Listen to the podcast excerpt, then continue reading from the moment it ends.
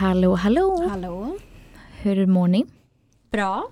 Bra, lite lågt blodsocker här borta. Men Har det du? är på G upp snart. Okej, men du äter Dextro för fullt ser jag. Ja, Dextro Mm. och kaffe. Perfekt. Jättebra. Mm. Mycket bra. Ska vi bara gå rakt på dagens ämne? Ja, det Ja. tycker jag verkligen. Mm.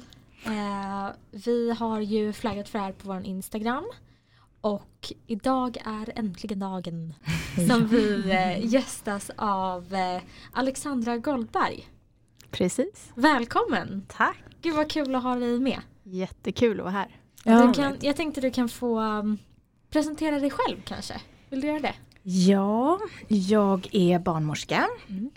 eh, på en förlossningsklinik i Stockholm på Södersjukhuset. Eh, och sen så doktorerar jag på typ 1 diabetes, graviditet, förlossning och amning. Och har själv haft typ 1 diabetes i, eh, vi sa alldeles nyss, hur länge var det nu? 27 år. 27 år. Och Mm. har även fött två barn. Mm. Det Så- finns ju ingen bättre att prata med om graviditet och diabetes än dig. Vilken Verkligen. proffs. Mm. Ja, men, och det är ett otroligt efterfrågat ämne för Ja. det finns ju inte jättemycket om det eh, att läsa om. Så det är väldigt efterfrågat bland många av våra lyssnare också. Ja, Mm. nej, men det är ju så. Det är ju därför jag håller på med det här. Ja. Ja, kan vi inte börja där? Alltså var, liksom, var det självklart att du skulle välja att jobba med diabetes på det här viset och liksom förlossning och barnmorska och allt det där? Eller vad, hur kommer det sig att du hamnade här? Ja, hur hamnade jag här egentligen? Jag tror att det framför allt var mina erfarenheter av att vara gravid med mitt första barn. Eh, och då jag som barnmorska och kunde den biten och samtidigt levt med typ 1-diabetes så länge också kunde den biten kände mig väldigt ensam i att kunna båda sakerna. Eh, och ibland kände att jag satt på mer kunskap än de som vårdade mig. Mm. Eh, och det var, det var en väldigt jobbig upplevelse. Eh, och jag märkte också, jag var med i olika sådana här forum, vet ni, finns på Facebook och så. Mm. Eh, och jag märkte att eh, andra kvinnor också upplevde det här. Eh, avsaknaden av information och kunskap och eh, det slutade med att jag faktiskt lärde mig mer där än av vården. Mhm. Eftersom jag också kunde sålla den information jag fick där eftersom jag hade min barnmorskekunskap så visste jag ju liksom eh, vad jag kunde ta till mig av eh, den informationen som fanns Mm. eh, bland de andra gravida. Mm. Eh, så det ledde till att jag eh, jobbar liksom nu för att få en förändring. Jag vill öka kunskapen och eh, jag vill påverka det här för att det finns så mycket som vi skulle kunna göra och förbättra i det här ämnet. Mm. Mm. Eh, och det skulle också kunna rädda liv faktiskt. Mm. Verkligen. Och Felicia, du som är gravid nu känner ju också fortfarande det här va? Att det är brist på kunskap och...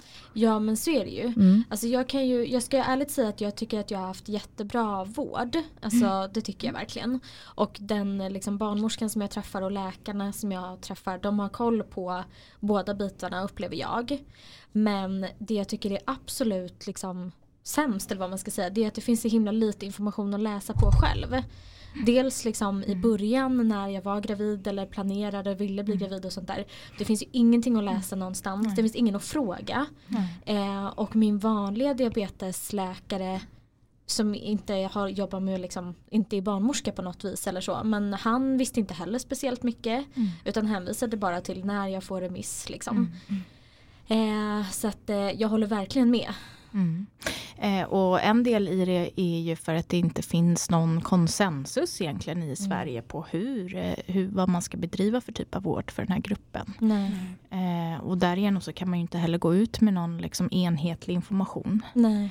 Ehm, så det är ju en bit. Mm. Ehm, så, och det är ju liksom nästan den viktigaste biten av graviditeten är ju planeringen av den. Mm. Eh, det man gör innan påverkar så otroligt mycket. Så att det, är, det är väldigt tråkigt att det är så idag. Mm. Mm.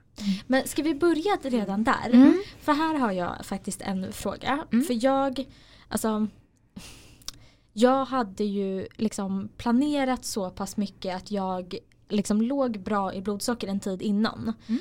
Men min tanke bakom det då var ju att jag ville veta hur mycket som krävdes av mig för att Mm. ligga sådär bra. För Mm. det ville jag veta när det sen var Mm. liksom skarpt Mm. läge. Mm.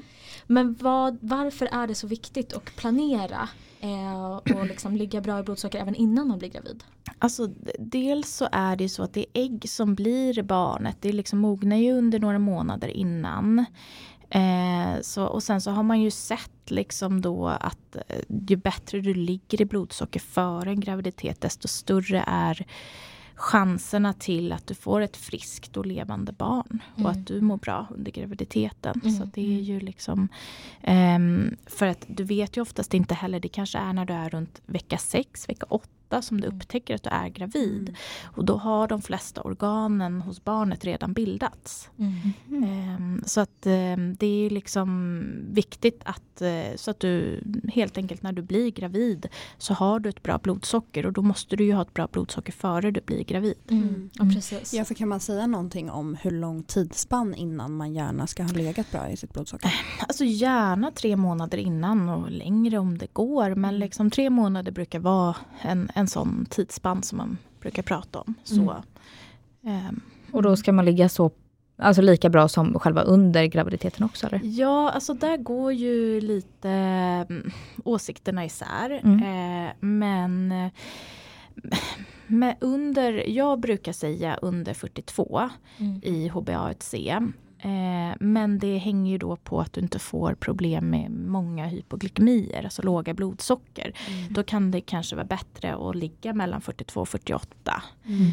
Ehm, så att det, ehm, ja, man är ju inte helt överens om hur man ska ligga där. Och sen Nej. så handlar det ju också om, en del är ju alltså variabiliteten. Så att HbA1c behöver ju inte säga så mycket för har du mycket låga och höga socker då får du ju ett jättefint HbA1c men, men variabiliteten i blodsockret ehm, kan då ha en negativ effekt. Så att liksom både ha ett så jämnt blodsocker som möjligt men också ett så lågt. Mm. Mm. Okej, vad spännande. För, det, för du och jag har ju pratat om det Sandra, att till och med nu när man går ibland på sina vanliga läkarbesök på diabetesmottagningen så börjar de ju fråga typ. Mm. Alltså lite så som att man förbereder den. Så man har ju förstått att planering är viktigt liksom. Att Ja. man ska ligga bra. Men däremot har man ju inte fått så mycket för att min läkare brukar fråga mig att så här, vi Mm. pratar ju om livet och vad som händer och sådär Mm. och så, så här, ja det börjar det bli dags graviditet någonting bara Mm. flikar in lite. Men det är egentligen det enda han säger och eftersom jag svarar nej så vet jag ju heller Mm. inte riktigt så här okej men om jag hade sagt ja nu då vad, vad är det vi behöver tänka på då? Mm. Eh, eller är det att han kanske säger för att så här, min kurva just nu kanske inte är redo för en graviditet att man lite kollar Mm. läget så. Alltså där, jag hoppas ju lite kanske jag som har påverkat det där. För att jag Ja. föreläser ju för diabetessjuksköterskor i hela Sverige. Och där brukar jag prata mycket om att jag tycker att man på varje besök, om man har en fertil kvinna, så ska man fråga om hon planerar en graviditet inom närmsta året. Mm. Därför att det kan ta ett år att förbereda en graviditet. Mm. Ehm, så att jag, jag försöker jobba ganska hårt för det. Så att jag blir jätteglad Ja. att höra att Mm. ni får den här Ja. frågan. Mm. Även om det kanske känns jättekonstigt om man verkligen inte är i den sitsen i livet. Mm. Men jag tror att man ska försöka se det som någonting positivt. Eh, men sen är det ju de här sakerna. Det är ju vissa saker som jag brukar prata om som man verkligen bör förbereda sig på. Mm. Det är bland annat det här med folsyra.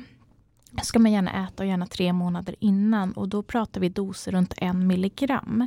Vilket är en läkarordination på att få. Mm. Eh, vanliga kvinnor ut, som inte lever med diabetes de rekommenderas ju 400 mikrogram, gärna tre månader före graviditet de också. Mm. Eh, men de här doserna går ju inte att köpa på apoteket. Så det är ju, det är ju en grej att liksom vara förberedd på att få en sån ordination helt enkelt. Mm. Eh, Och vad innebär det att äta det för en person som inte är jätteinsatt i graviditet? Så Alltså, för eh. Folsyra är ju skyddande mot en viss typ av missbildning hos barnet, ryggmärgsbråck och så. Okej. Eh, och det, här, det finns en liten ökad risk för den missbildningen hos våra barn. Eh, och därför så vet man också att lite ökade doser skyddar lite mer. Mm. Okej. Mm. Ehm, och sen så är det ju saker som BMI har ju en väldigt stor eh, inverkan också på graviditeten och det har det ju även för kvinnor som inte lever med typ 1-diabetes. Men har du dessutom typ 1-diabetes då är det liksom som någon slags synergi kan man säga så att det är liksom ytterligare ökade risker. Och det kan ju ibland, har man ett högt BMI så kan det ju ta lite tid att nå ett normalt BMI. Så det, det krävs ju planering för också. Mm. Mm. Just det. Men för att om man då inte, alltså om man inte riktigt får ordning på sin blodsockerkurva inför en Mm. graviditet, är det alltså då just barnets organ som påverkas? Ja, dels så är det risken att barnet får en missbildning. Sen är det också ökad risk att man får missfall. Mm. Ehm, så. Och sen så är det också ökad risk för en själv att går, ju högre blodsocker du går in i graviditeten desto mer har du ökad risk också att få sån här havandeskapsförgiftning till exempel. Mm. Vilket i sig också kan vara liksom en risk Mm. som mamma Mm. eller gravid. För just havandeskapsförgiftning har jag förstått det som att det är en ökad risk Mm. för diabetiker främst. Men är det då mest kopplat till blodsockret eller finns det andra aspekter som påverkar också? Det finns andra också som man inte vet. Men en del är, det är ungefär 5 till 6 gånger ökad risk att utveckla havandeskapsförgiftning eh, om du har diabetes och blir gravid och speciellt typ 1 diabetes då. Mm. Eh, så att det man gör nu det är faktiskt att man sätter in alla på trombyl som är så blodförtunnande och det tror man nu ska vara skyddande. Mm.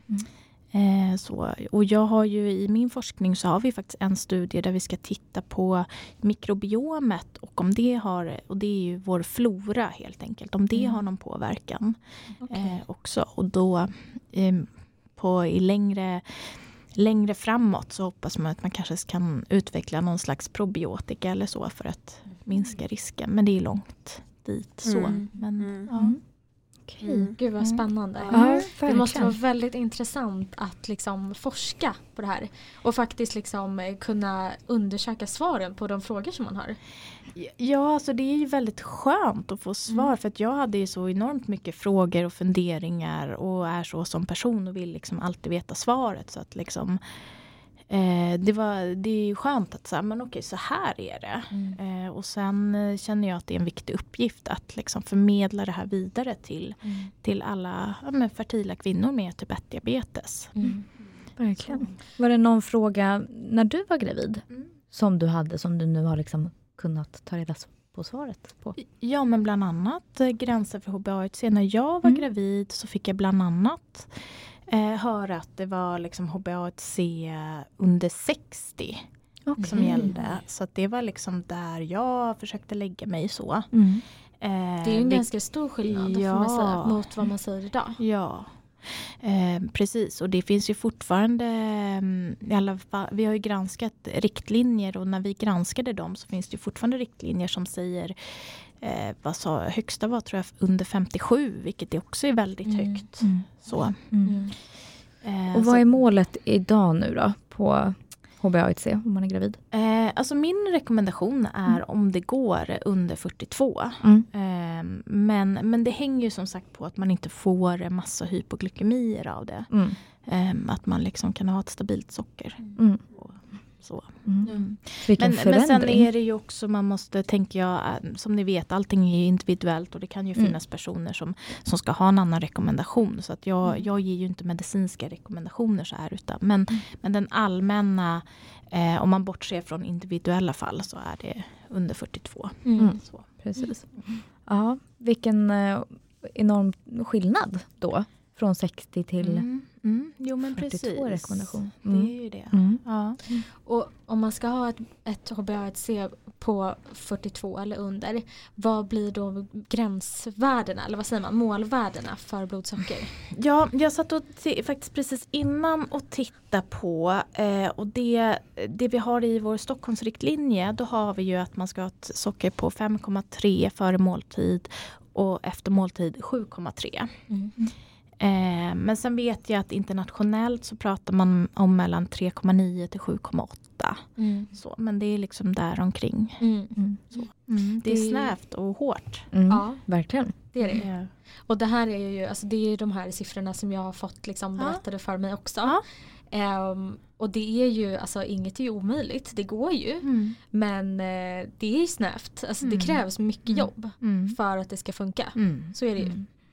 Mm. Det är verkligen. Mm. Det, och det är ju det som är, är det svåra med graviditeten. Att liksom man ska hålla det här sockret konstant. Mm. Dygnet runt i nio månader. Oavsett om det är julafton eller om man är trött en morgon eller vad som helst. Det är Mm. liksom alltid det. Mm. Ja och jag kan tänka att så här, under de här nio månaderna så har man ju en motivation till det. Mm. För vi pratade om det lite innan också att nu, man gör inte det för sin egen skull Mm. utan man gör det för någon annans skull. Mm. Men eh, jag kan ju tänka att det hade ju aldrig varit hållbart att leva på det här viset för Nej. alltid. Om, Nej. alltså för bara en egen skull. Alltså det hade Nej. aldrig gått. Det går ju alltså Då får man ju sluta leva. Ja, Liksom. så är verkligen. det ju. Ehm, så det är absolut. Och det, och det tror jag är svårt att beskriva för folk som inte Mm. lever med typ 1-diabetes. Vad det innebär att pressa sig till de här gränserna. Mm. Mm. Så det, det är ett enormt jobb. Mm. Mm. För man ser ju, alltså, jag ser ju bara hur du håller på Felicia och vissa nätter går det upp typ en gång i timmen och det är ju Mm. otroligt alltså, koll man måste ha. Är det liksom vanligt bland typ 1 diabetiker som är gravida att man liksom kanske jag vet inte, blir utbränd eller måste sjukskriva sig tidigt eller sådana Det, faktorer? det är ju mer psykisk ohälsa. Mm. Eh, det har man sett Mm. i vissa studier för typ 1 diabetes. Eh, och det är väl liksom eh, Ja men en del av det är ju just det här att, att de känner att de, eh, det är svårt att hantera sitt blodsocker och svårt att få information från vårdpersonal. Mm. Eh, så att absolut, det, det är en ökad risk att må dåligt under och efter graviditeten. Så Mm. är det ju. Mm. Något som är väldigt intressant också, som jag i alla fall inte visste innan, var hur mycket insulinbehovet skulle förändras Mm. under graviditeten. Mm. För att man får den här insulinresistensen. Ja, visst, det, det, det känns ju helt sjukt när man ska höja sina doser till Mm. tre till fyra gånger så mycket. Ja. Det är liksom enorma mängder insulin Mm. som man tar. Som är, ja. Verkligen. Alltså jag kan ju verkligen bli helt förbluffad över hur mycket insulin jag måste ta och jämföra med om jag inte hade varit gravid. Alltså då Ja. hade ju någon fått liksom köra mig akut Ja. någonstans. För det hade liksom, och nu tar jag sådana doser och det händer ingenting. Alltså det är, det är helt sjukt. Och, och det är ju det som jag tror också blir en del av liksom, alltså, typ 1-diabetes är ju en psykisk sjukdom på ett sätt. För det är så mycket psyke i liksom, rädslor. Att liksom, vi är så nära att dö hela tiden på ett Mm. sätt. Liksom, vi kan dö av högt socker, vi kan dö av lågt socker. Mm. Och det är liksom eh, så små gränser till att trilla dit. Och just därför att liksom behöva höja sitt insulin så mycket och så snabbt, det, det, det tar ju emot. Och det är samtidigt som att det är det man verkligen måste våga göra. Man måste våga höja sin basal, våga höja sin bolus när man är gravid. Mm. Så fort man ser liksom tecken på den här insulinresistensen, att det är det som är så himla skyddande Mm. för en själv och för sitt barn. Mm. Men varför eh, blir man insulinresistent? Och hur brukar det se ut liksom under... Kan man se ett tydligt mönster under de här veckorna hur liksom insulinbehovet brukar se ut? Ja, det är ju lite olika beroende på veckor. Sen är det Mm. som alltid individuellt. Mm, såklart. Eh, men det är ju placenta, alltså moderkakan som, som producerar de här hormonerna. Eh, och dels så släpper det också ut extra så att man har liksom extra mycket socker och extra mycket fett. För att barnet ska få mer näring. Eh, och så en frisk kvinna kompenserar ju med att öka sin insulinproduktion. Eh, och till exempel de som utvecklar graviditetsdiabetes, det är ju de som då inte klarar att kompensera som, som får graviditetsdiabetes då. Aha. Och Den är har vi undrat mycket Mm. över också, varför man får graviditetsdiabetes. Och det är ju det här när moderkakan börjar producera de här hormonerna och hormonerna i sig gör också att man blir mer insulinresistent. Ja. Så att cellerna har svårare att, att ta upp in sockret, öppna upp sig av insulinet. Mm. Men har man ofta anlag för att få graviditetsdiabetes eller liksom Ja men det finns en ärftlighet i det Ja. och är det så att du till exempel har en släkting, nära släkting med någon form av diabetes då testas du ju för graviditetsdiabetes under graviditeten därför Okej. att det finns men eh, också övervikt har ju en stor eh, liksom, påverkan så. Mm. Mm. Mm. Gud vad spännande. Ja, verkligen. Ja. Men, jag tänker, för Felicia, nej, nej, Det men är jag så mycket frågor från alla håll. Verkligen, jag så, det bara snurrar i huvudet av allt, allt jag vill fråga. Ja. Ehm, nej men jag tänkte som du har pratat om lite Flis, som du, de, ni har pratat om på dina läkarbesök, att eh, mot slutet av graviditeten va? Mm. Tycker jag du har sagt till mig. Att det ökar ännu mer då. Mm. Brukar det Ja. kunna se ut så? Liksom om man tänker lite generellt. För jag har fått berättat för mig att det ökar liksom re- regelbundet insulinbehovet tills det stagnerar och sen kanske till och med sjunker innan Mm. förlossning. Mm. Och, och det? det där är ju, det, precis, men och som sagt inte för alla och så vidare. Nej. Men det Mm. finns ofta så en tendens att runt vecka 34-37 Mm. så börjar liksom insulinresistensen lägga sig lite. Mm. Och här kan många bli rädda att moderkakan slutar fungera och så. För det florerar mycket rykten kring det. Och där måste man skilja mellan att du har en snabb sänkning av ditt insulinbehov från en dag till en annan och stora doser mot den här successiva sänkningen. Det är normal del av graviditeten. Men såklart, är du orolig, det är bättre att kolla upp det och, och söka hjälp såklart. Men, men att det finns absolut en, från ungefär, det börjar där i mitten av graviditeten med insulinresistensen och sen där runt vecka 34-37 så går det sakta lite neråt, kan det göra för en del. Mm. Jag tänkte för att gå tillbaka till det här med blodsocker och blodsockervärden. Mm. Varför är det så viktigt att man ligger så bra i blodsocker när man är gravid? Ja, nu kommer vi till det här tråkiga hur man liksom, jag tänker så här, ehm, kunskap ger makt. Så att jag tänker att det är viktigt att känna till det här men det är också jobbigt att höra och det är ju eh, den, den tråkigaste biten det är ju den här ökade risken att barnet dör i magen efter vecka 22. Eh, och det är tre gånger ökad risk i Sverige om du har typ 1-diabetes. Eh, och bland annat en av de riskerna det är ju liksom ju högre ditt blodsocker ligger desto större är risken.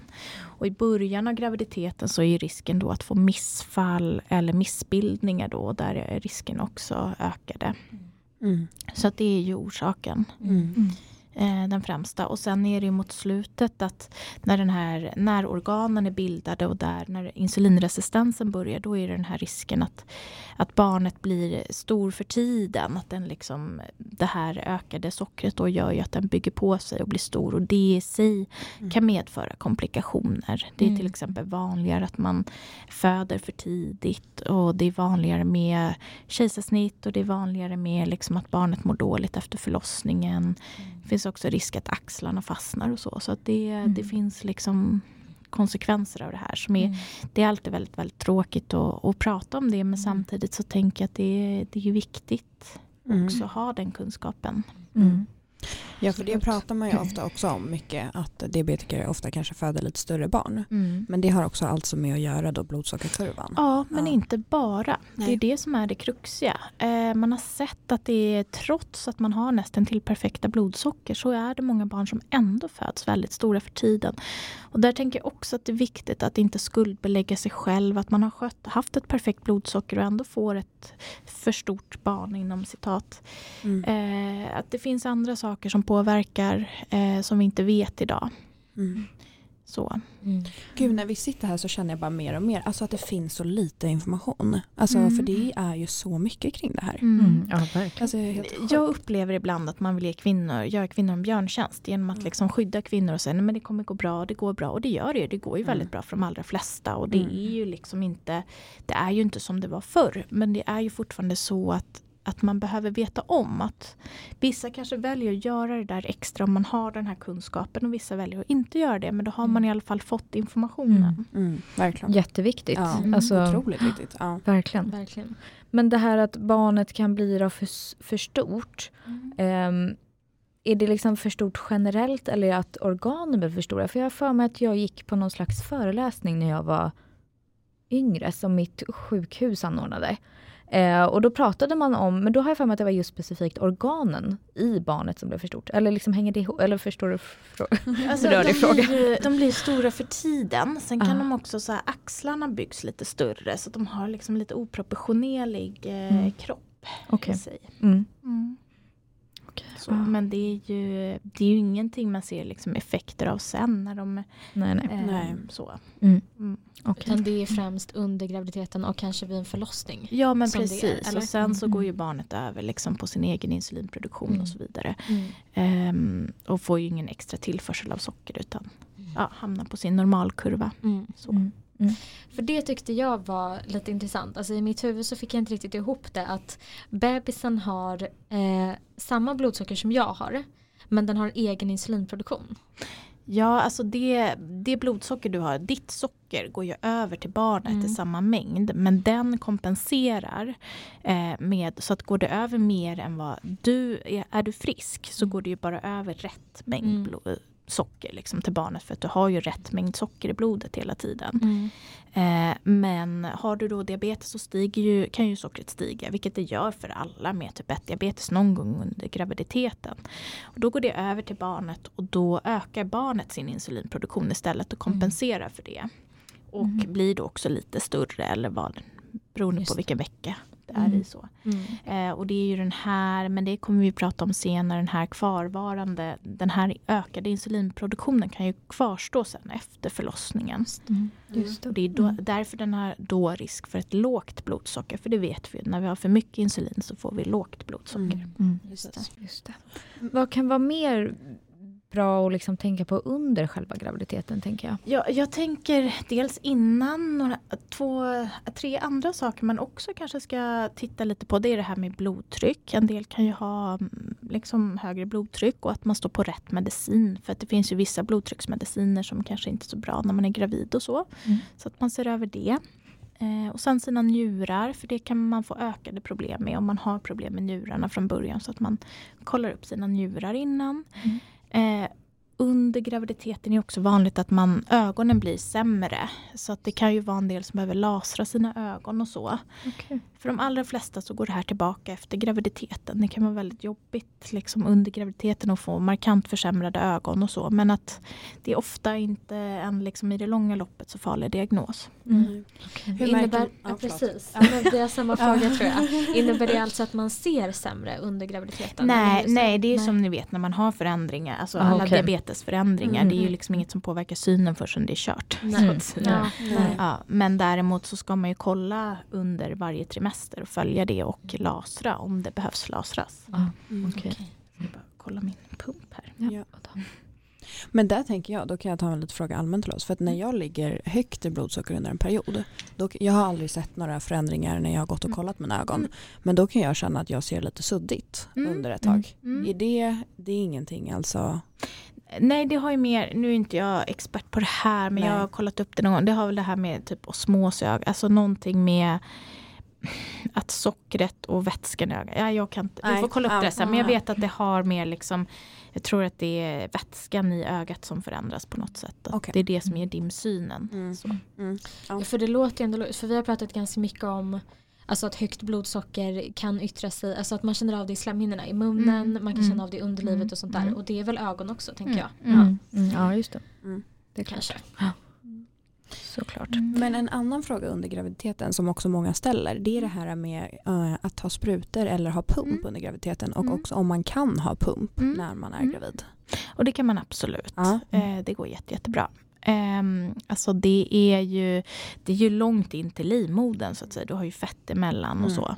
Eh, så det är inga problem. Men jag menar, är du orolig så sätt pumpen någon annanstans. Ja. Mm. Eh, så, så det kan man. Och det där är ju någonting man ska fundera på innan man blir gravid. För att eh, det kan ju ta tid att ställa om sig till en pump. Mm.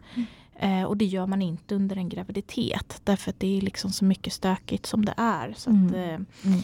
Mm. Eh, och där, alltså, jag är ju, om man tittar på hur det ser ut forskningsmässigt så är det liksom ingen skillnad mellan pump och sprutor.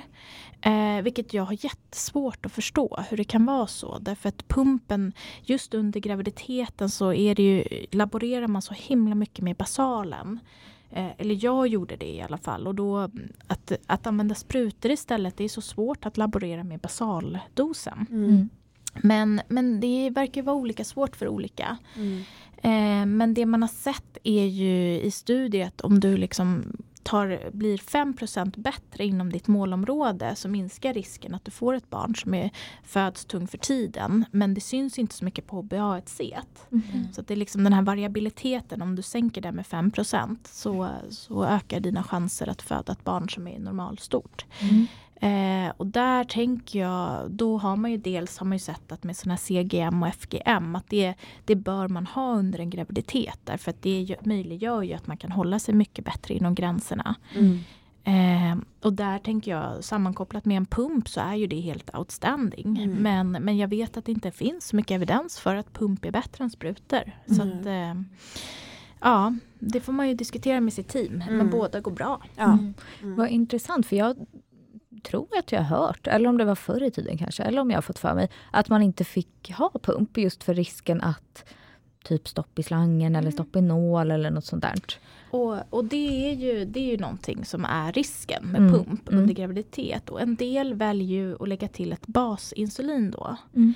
Eh, så att när du går in i mitten av graviditeten, när du blir sådär insulinresistens, då kan du lägga till ett basinsulinspruta så att du liksom har nått insulin i kroppen. Om pumpen slutar fungera på natten till exempel. Mm. Eh, men eh, det beror ju på, som jag har ju en pump som larmar så fort det börjar stiga. Så att det, jag skulle ju snabbt märka av om, om det är stopp eller slutar fungera. Men det är ju olika, vad, det där är ju också in, Ja. individuellt Mm, vad man precis. behöver. Så. Mm. Vi har Mm. också fått lite frågor kring, eh, det är väl samma då antar jag, om man tar eh, eh, sprutor eller har pump. Men vart man kan ta sprutorna Mm. någonstans. Om man kan fortsätta ta dem i magen som vanligt Mm. eller om det är någon skillnad att ta i lår eller om man kan ta i armar och sådana där saker. Armar känner jag inte till, men Nej. nej, men du ska kunna ta som vanligt. Mm. Så ja. Mm. Vad obehagligt bara tänker jag i en spänd mage. Du tar ju dock nedanför magen Felicia. Ja, jag tar ju, för jag får, min mage är så spänd, alltså huden är så spänd så att jag får liksom inte tag i någonting. Nej. Så att jag tar nedanför kulan eller vad man ska säga. Mm. Och det går ju bra. Mm. Eh, det, ibland, liksom, jag får ju ta lite på sidan för att annars ser jag inte för magen är i vägen.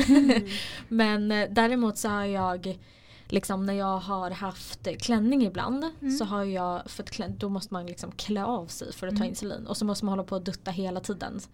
Eh, och då har jag ju funderat, jag har aldrig testat men jag har ju sett att andra tar insulin i armarna. Mm. Jag har aldrig hört talas om det innan Nej. faktiskt. Men Nej. det är ju spännande. Mm. Ja. Ja och jag har inte testat det nu för jag tänker att det kanske jag ska testa sen istället.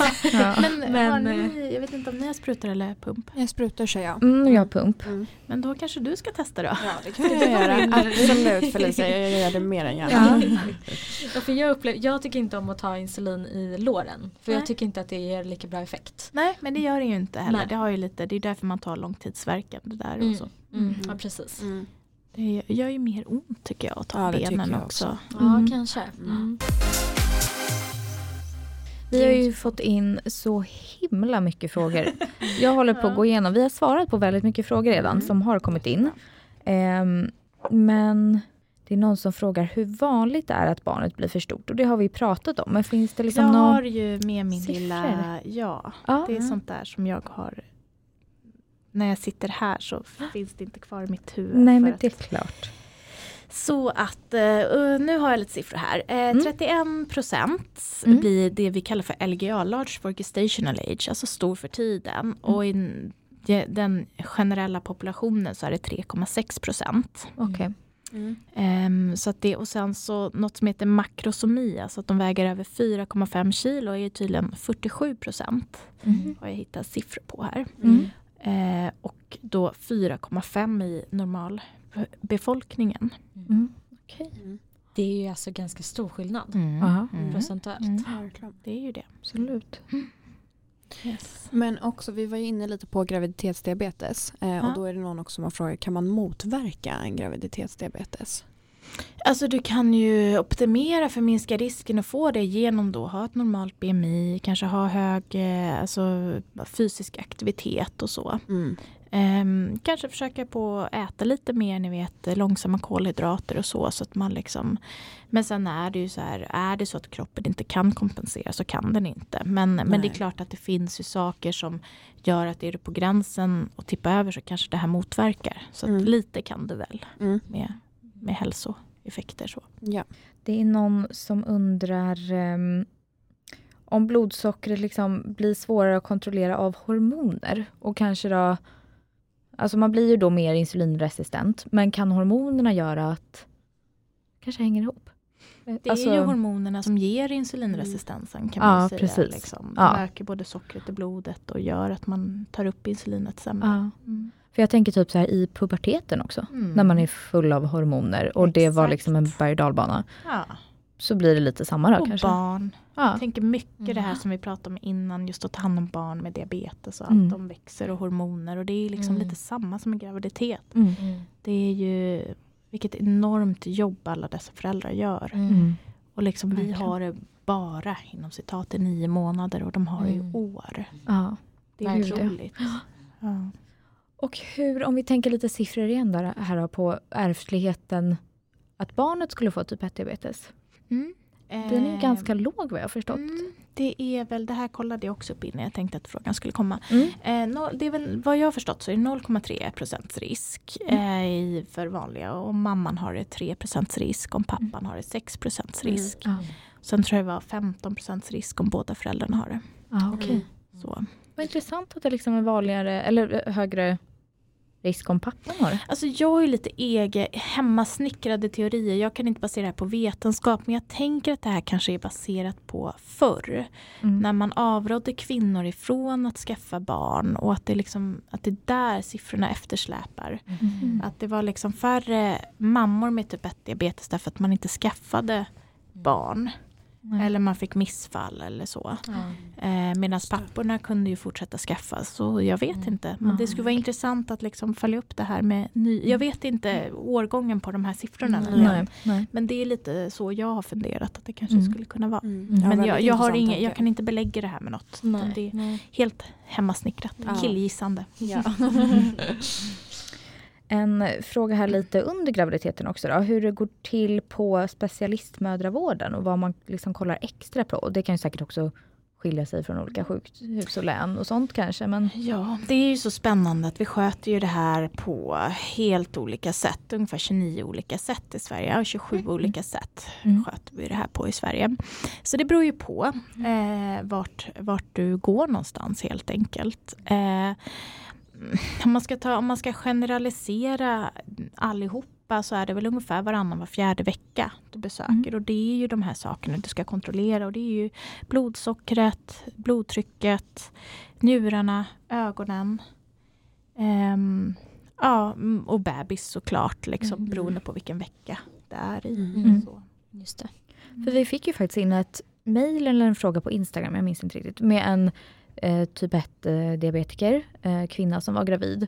Och hon fick gå till vanlig mödravård Mm. tror jag, Mm. inte specialist. Och det finns ju också. Det kan också skilja. Mm. Mm. Mm. Precis. Eh, och det här är, det behövs ju en uppryckning. Det är ju, liksom, det är ju bland annat det jag tittar på i min forskning, eller vi tittar på. Eh, just hur, hur olika man sköter de här graviditeterna och eh, hur, hur olika det går. Att det liksom är ju lite som en rysk roulette. Att, att eh, ha typ 1 diabetes och vårdas. Även om man också ska säga att vi har väldigt bra vård i Sverige. Extremt bra vård. Eh, mödra och gravid- förlossningsvård. Så. Men, eh, men samtidigt finns det så mycket vi skulle kunna göra bättre. Mm. Ja. Mm. Gör man fler ultraljud om man har diabetes? ja, det gör man. Precis. Och där är det olika var du vårdas. Mm. Hur många tillväxtultraljud du gör och när du gör dem. Mm. Eh, de flesta brukar börja vecka 28 men inte alla. Okej. Mm. Mm. Och en person som inte har diabetes brukar börja... De gör inga till- tillväxtultraljud om det inte är någonting. Utan eh, en person Mm. utan diabetes kanske gör ett tidigt ultraljud men oftast inte. Man gör eh, kubben, gör de flesta tror jag. Ehm, och sen så de allra, allra flesta gör det här eh, rulen. Alltså när man eh, vecka 20, runt vecka 20 där, där man tittar på organ och så. Men det är det man gör. Och sen så är det lite olika i Stockholm till exempel gör vi vecka 41 ultraljud och så. Mm. Ja, så det är ju väldigt många ultraljud för oss. Mm. Och det är ju det här att det är ju väldigt mycket besök. Eh, Mm. och speciellt mot slutet. Mm. När du ska, en del gör också CTG, kanske upp till två gånger i veckan. Det är, CTG är ju då man kollar fosterljuden på barnet under ungefär 20 minuter. Ehm, så, att det, så det är många kontroller. Mm. Mm. Verkligen. Det kan jag skriva under på. Ja. Men det är dock en grej, alltså, nu är det ju inte av en liksom eh, den mest på bästa anledningen men jag kan ju dock tycka att det är väldigt skönt. Alltså för mig är det ju Mm. jätteskönt att få komma dit så ofta och att någon kontrollerar det som går att Mm. kontrollera. Liksom.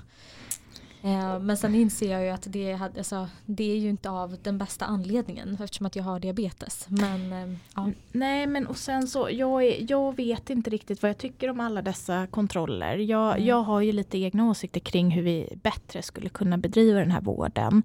Alltså det viktigaste är ju att få hjälp med sitt blodsocker så att lägga resurserna där hade varit mycket, mycket bättre. Att hjälpa kvinnor före graviditet och finnas där kanske 24-7 Mm. för kvinnor blodsockermässigt hade gett mer än att kontrollera barnets hjärtljud i 20 minuter Mm. två gånger i veckan. För det, när man kopplar bort den så vet vi inte hur barnets hjärtljud ser ut ändå. Mm.